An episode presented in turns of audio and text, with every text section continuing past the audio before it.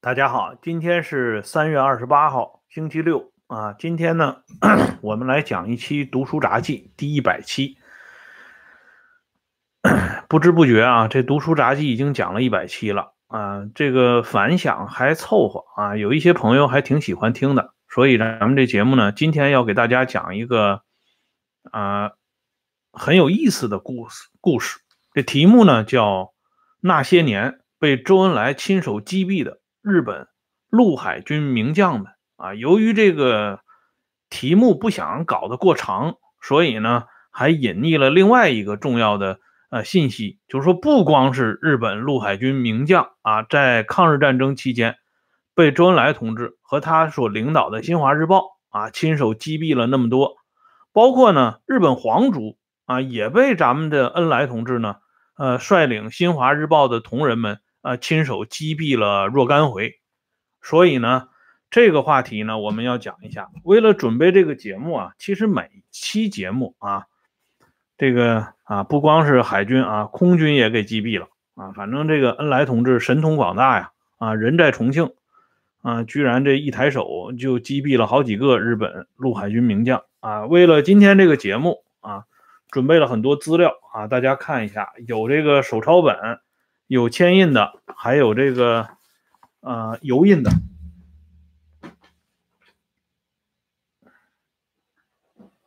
这边呢，就是还是啊这些资料，这些啊油印的，嗯呃铅印的这些资料。通过这些资料的对这些资料的攀爬和梳理啊，我们就会了解到，当年我们的恩来同志是多么的不容易。啊，一手领导着统战工作，一手呢还要亲手来安排这些日本陆海军以及皇族们，他们到底是一个什么样的结局？今天有的人呢在网上问我说：“这个读书有没有捷径？”啊，刚才我给大家展示的这个书，大家也看到了，真的没啥捷径的，只能啊就是一篇一篇的，一个字一个字的看，而且有些书呢啊要。反复的看，因为你一开始看的时候呢，可能激发的是一两个啊小小的这个灵感，但是回过头来再重新看呢，会把很多东西呢串联起来。比如说我今天要讲的这个节目，最初呢是曾经曾经写过的一篇文章，就是讲这个抗日神剧。昨天我们的。那个时事感怀的节目里边不是说到那条微信吗？啊，我在结尾处也跟大家讲了，这种简单的谣言很容易破解啊，只要呃征询一下当地有关部门的呃意见就可以知道真相。但是有些谣言或者说有些谎言一直以来深埋于大家的头脑和心计之间，那么就需要对历史做认真的检索，最终呢。才能发现距离真相最近的方位，比如说这个抗日战争，这个号称中流砥柱的这些人，到底啊为中国人民报了多少血海深仇，杀了多少日本倭寇？这个事情看来始终是一个谜。其实呢，从常识的角度来判断，也不难发现内中的诡谲之处。比如说，我们都知道伟大领袖一生诞育了诸多的啊。优美的篇章啊，写了很多打油诗，还有打油词啊，很多人呢朗朗上口。领袖的这些诗词我都能背诵，但是呢啊，这些公布的和没公布的这些领袖的诗词里边，我们找不抗日战争的。按说呢，你起了这么大的作用啊，在全球反法西斯战争当中，你占据了这么重要的地位，那作为领导中国人民。啊，浴血奋战的啊，毛泽东同志为什么连一首词都这么吝惜的留给大家、留给后代呢？而且呢，在抗日战争当中啊，这个 后方抗日军民就是由劳动党领导的这个抗日军民打的最漂亮的一场战役，或者说是规模最大的一场战役，叫百团大战。可是这场战役呢？啊，从它诞生之后就一直备受争议，甚至呢备受指责。领导和打响这场战役的彭德怀呢，在他被搞掉之后呢，百团大战一直是作为他的罪状来公布的，甚至呢，包括林彪在内，他也不得不割舍自己啊这个战争生生涯当中，谢谢这位朋友啊，最辉煌的一部篇章就是平型关战役，在庐山会议上，林彪甚至自己给自己啊泼了一小呃一小盆脏水，他说这个平型关战役是任弼时的主张。那意思呢，就是跟我没啥关系。那么这些啊，平型关战役也好，百团大战也好，这些对日本呃侵略者进行大张挞伐的这些步骤，为什么都受到领袖的责难呢？啊，这就不由得又让我们想到眼下啊，天天出品的这些烂片儿，这些抗日神剧，忽然一下子都扑面而来，两相对比，泾渭分明。所以呢，我们就要来讲一下这个抗日战争的这个故事。在讲这些故事之前呢，啊，大家不妨回顾一下一部老电影啊，当年长春电影啊制片厂拍摄的《平原游击队》，那里边呢塑造了一个 游击队队长李向阳的形象。这个人呢，在我们这代人，就是七十年代出生的这一茬人心目当中呢。印象是非常深的，我甚至呢，啊，还记得北京籍作家刘心武在他的小说《钟鼓楼》里边，啊，向大家透露了一条有关李向阳的消息，啊，就是说当年美国的一名女记者，当然这个女记者是左翼的啊，这种女记者，她来到中国以后呢，她向嗯，中国人民讲述他心目中最崇拜的两个男性的偶像，一个就是平原游击队里边的这个李向阳队长，啊，可见这个李向阳留给呃美国的左翼人士也有相当深的印象。而且这个电影呢拍了两次啊，一次呢是郭振清主演，还有一次呢啊就是在文化大革命期间拍的那种彩色的。啊，电呃故事片，那个扮演者呢就没有郭振清那么有名。后边呢，张嘉译啊，当代啊比较红的这位中年男演员张嘉译呢，还演过一部电视剧啊，就是李向阳再战松井啊，这电视剧拍的也挺神的。可见呢，这部电影真的是影响了至少两代人。可是这部电影的编剧。啊，就是邢野，他的女儿邢小群，曾经呢在《百年潮》发表过一篇文章，追忆他的爸爸邢野在写这部剧本的过程当中，啊，偶然之间碰到陈毅，陈毅对这个电影《平原游击队》有过一个评价，就是陈毅认为呢这部电影啊拍的不错，故事情节很好。啊，先是肯定这部电影，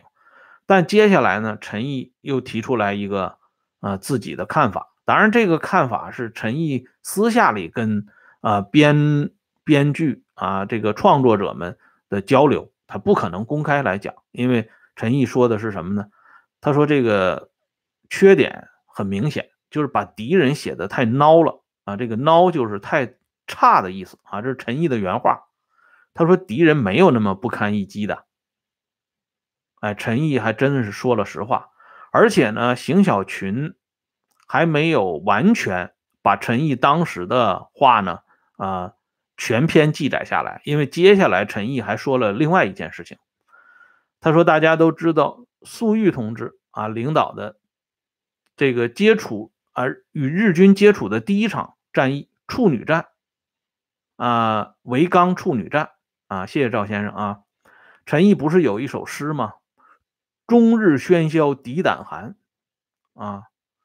弯弓射日啊，弯弓射日到江南。终日喧嚣敌胆寒，镇江城下出朝玉，脱手斩得小楼兰。这首诗发表以后呢，赢得很多这个东홍先生啊，就是那些呃在民间的那些呃知识分子们的拥戴啊，说这个没想到啊。新四军里边居然有这样的儒将啊，写诗写的还这么工整，不光战役打得好啊，诗还写的这么好。这个维刚处女战，当时呢是扬名大江南北啊，但是陈毅在这个评论里边就说过，粟裕同志领导的这场维刚处女战，其实更多的是宣传战啊，我们党就是利用这一场战役呢，向世人。宣誓，我们是坚决啊抗战到底的。谢谢这位朋友。其实呢，这一场战役打下来啊，一共就打死了两个鬼子。哎，这是陈毅说的原话啊。因为陈毅私下里说这些话，他没有必要撒谎，他也没有必要利用这么个机会去贬损啊自己的搭档粟裕。而我们知道的这个官方修订的《陈毅传》。还有陈毅的文学传记里边都曾经多次渲染过维刚处女战，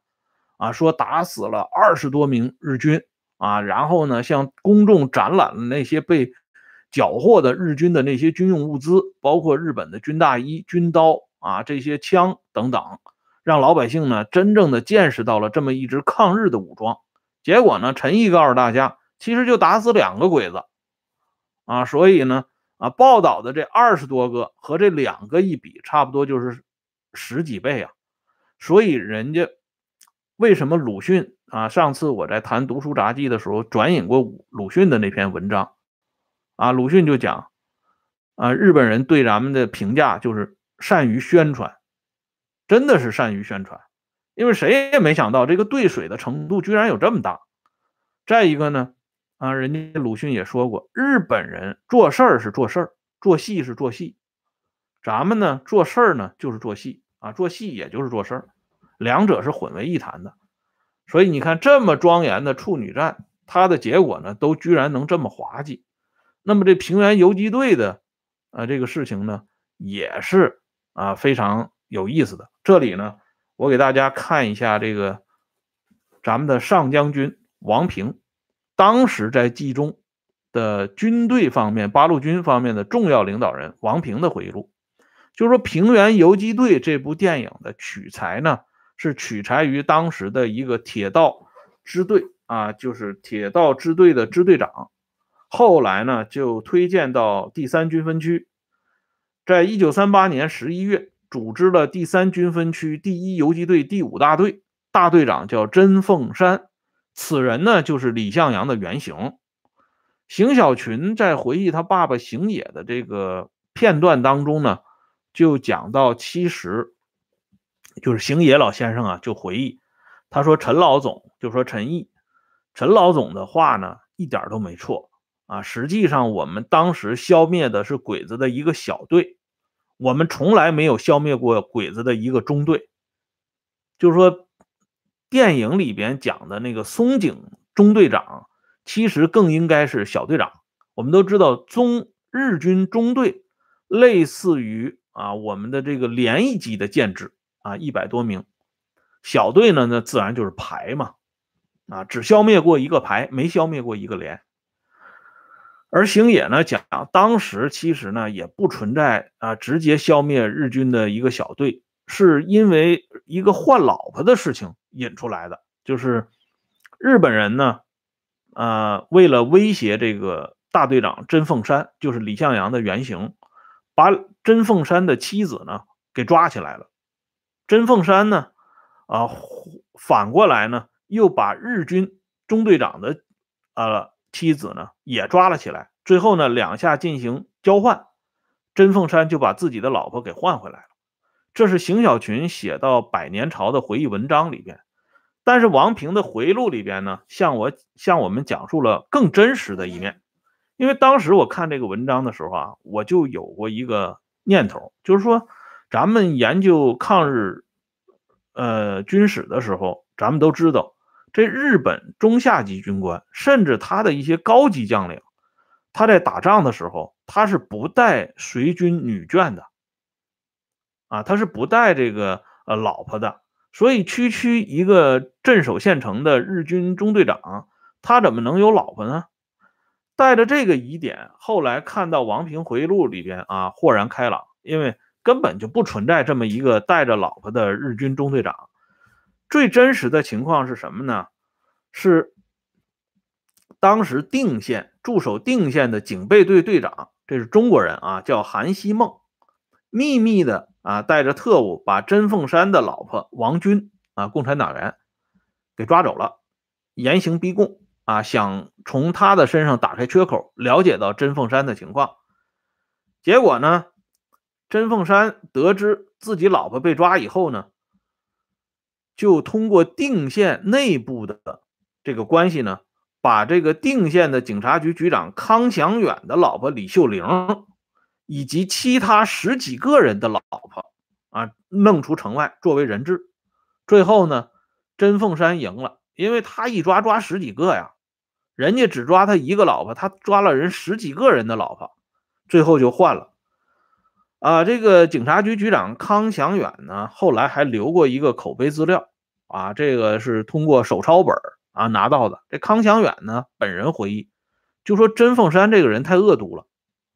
他说我们只动了甄凤山的老婆，而且呢，我们对他的老婆呢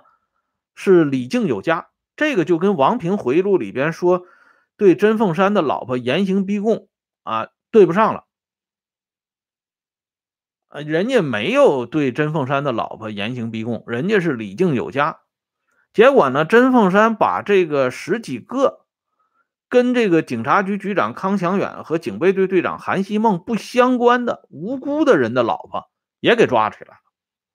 啊，用这十几个无辜的人的老婆呢，一起来交换他自己的老婆，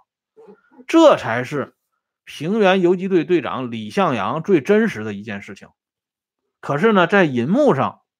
他忽悠了我们几代人啊，现在还在继续忽悠年轻人。这李向阳双手开枪，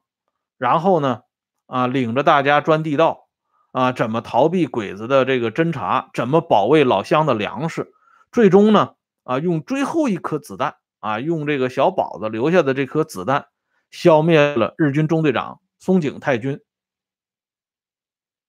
结果呢，这个是。就跟陈毅讲的“围缸处女战”一样，彻头彻尾的兑了水的谎言，其实就是一个老婆的问题。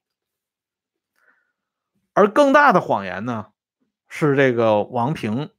啊、邢野他们这些人编不出来的，因为更大的谎言是要由咱们的恩来同志呢亲自出手。这样呢，我们来看一下这个回忆录啊，尘封已久的。它叫《新华日报》的回忆，这是由咱们四川人民出版社公开出版的。在这本书当中呢，啊，第七页上面记载，周恩来同志对《新华日报》的领导，首先是着重政治思想工作。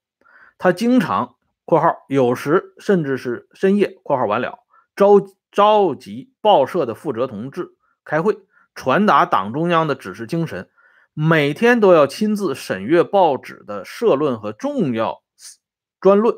圈圈点点，一丝不苟地进行修改稿件，还经常亲自动笔为报社撰写社论、代论和专论。据统计，啊，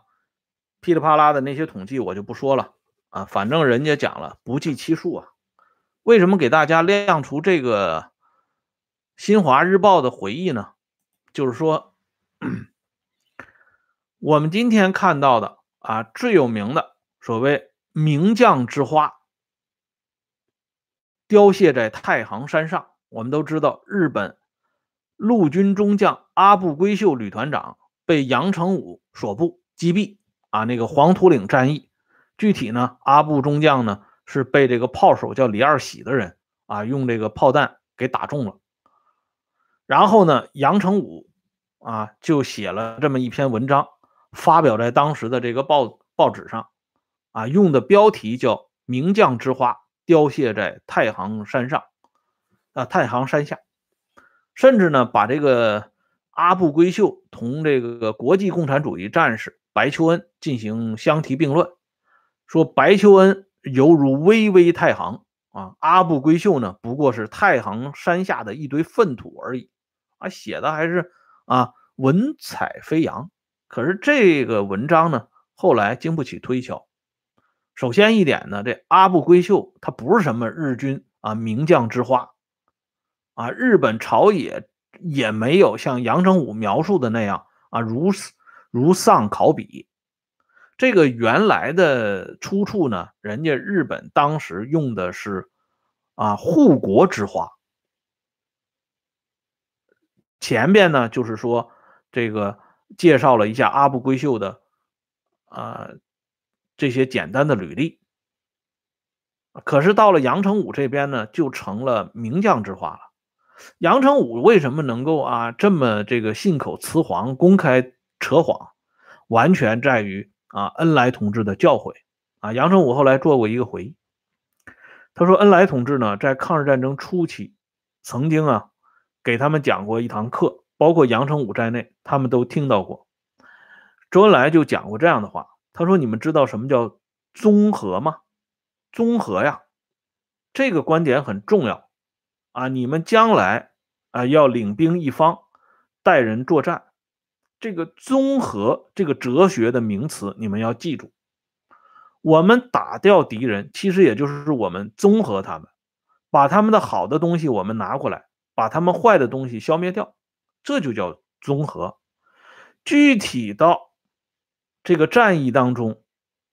阵地战、壕堑战还是游击战，其实更多的都是宣传战。宣传战的特点也在综合上边，把几个主要的内容综合一下，这个宣传战的架子就搭起来了。宣传战到位了，阵地战就会打胜。这就是周恩来同志啊对杨成武这些人的教诲。所以呢，杨成武综合的很好啊，他把人家护国之花啊大笔一综合改成名将之花，自己呢啊也由此这个啊扬名史册，甚至当时还惊动了蒋委员长啊，蒋介石专门发了犒劳的经费。但是这个阿部规秀呢啊，谢谢这位朋友啊，阿部规秀这个阵亡的过程呢。日本方面是有过记载的，就是说阿部规秀呢，当时确实是被炮弹击中，然后呢是阿部本人拒绝抢救，最终呢殉难啊，因为这个阿部这个人呢，就是阿部规秀这个人，军人本色啊，他认为呢没有打赢这场战役非常可耻，所以军人理应马革裹尸。血洒呃疆场，所以他拒绝治疗。这个事情呢，还真的是咱们中国人自己啊到日本留学以后发现的一条史料。啊，这个朋友呢，通过电子邮件把这个东西发到我的信箱里。我在这里呢，给大家说一下啊，不敢掠人之美啊，是人家的研究结果，而且他的研究结果里边呢，还告诉我一条，就是。杨成武在写“名将之花凋谢在太行山下”的这篇文章里边，还造谣说阿部规秀给他女儿的通信啊，被杨成武他们事后呢啊给缴获了啊。信里边的那些内容其实都是杨成武他们自己编造的。阿部规秀没有给他的女儿通过任何书信。啊，那个编造的信我到现在都能背下来啊！我给大家选取其中的一段啊，这个我不用看书就知道，因为这是小的时候就看这个东西，印象特别深。就是说这个啊，阿部规秀告告诉他的女儿说，这个现在在这中国作战啊，感觉很好。原话大意就是这样。然后呢，他这个。呃，右肩又开始高了，那个意思呢，就是说他可能又要升官了，等等，啊，就是用此呢来描述这个侵略者那种骄狂的那个神态，但是没想到呢，这书信都是瞎编的，这还在其次啊，因为这个呢，呃，只是恩来同志教育的结果。啊，但是呢，还没有进行直接的啊来讲述，接下来呢，有一个重要的东西。我跟大家说一下，呃，我们都知道这个，在七七卢沟桥事变里边啊，当时日本有一个高级将领，就是天津中国驻屯军司令官田代晚一郎。啊，这个中将呢，是在一九三七年啊七月中旬、上中旬的时候去世了。可是呢，在一九五七年啊出版、公开出版发行的这个书叫《卢沟桥事变》，这个作者呢叫曹增祥，第二十四页里边啊向我们记载了。田代晚一郎是在一九三七年七月十号深夜，田代到宛平前线视察，受了重伤，过了两天就死了。另外一个说法呢，是一个叫彭城写的《卢沟桥》这本书的第第十三页上记载的，是一九三七年七月十三号，呃，田代晚一郎被二十九军打死在宛平前线。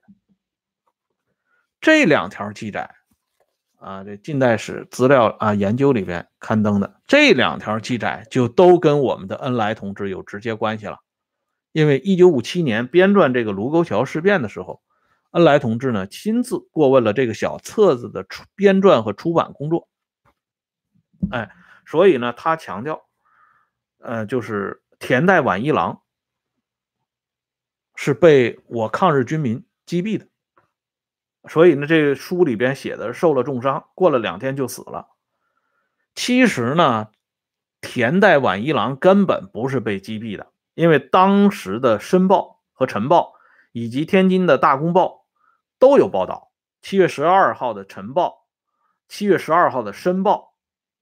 啊，以及这个稍后的大公报里边都记载了田代晚一郎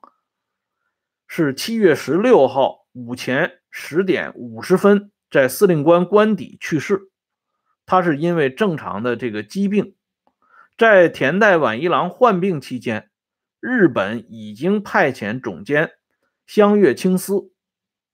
继任司令官，而田代晚一郎去世的原因是因为心脏病突发。这是当时啊，国统区的《申报》《大公报》这些报纸呢进行的正面报道，但是恩来同志指示。啊，到了一九五七年编撰这些书的时候，恩来同志就有指示了，哇，不要采用这些东西，而是采用我们的语言进行综合。结果这么一综合呢，啊，谢谢郑老兄啊，这个田代晚一郎就被咱们周恩来同志亲手就给击毙了。啊，这是呃天津驻屯军司令就这么死的。接下来呢，还有。一个人物啊，这个人物呢，就是一直以来在近代史研究里边啊，曾经啊有过好几期这个近代史研究的杂志里边呢，就在向大家讨论啊，认认真真的讨论，在侵华日本发动侵华战争期间，日军被击毙的。最高将领、最高级别的将领是谁？啊，一般人呢都能想到杨成武杀的这个阿部贵秀，啊，可是呢，人家经过史料的研究，啊，说还有这个总田宫以及大角陈生这两个人呢。总田宫是死后被追赠为大将军衔，而这个大角陈生呢，不是死后啊。人是海军名将啊，生前就是日军大将，他都是被我抗日军民给击毙了。那这个事情，这两个人到底是不是被我抗日军民击毙的呢？而且这两个人跟这个恩来同志和新华日报能不能扯上关系呢？咱们留在下一集啊来解释解说。今天呢，这个上一集的节目呢，就先说到这里。啊，感谢朋友们上来的支持、观看和订阅，我们下次再见，谢谢。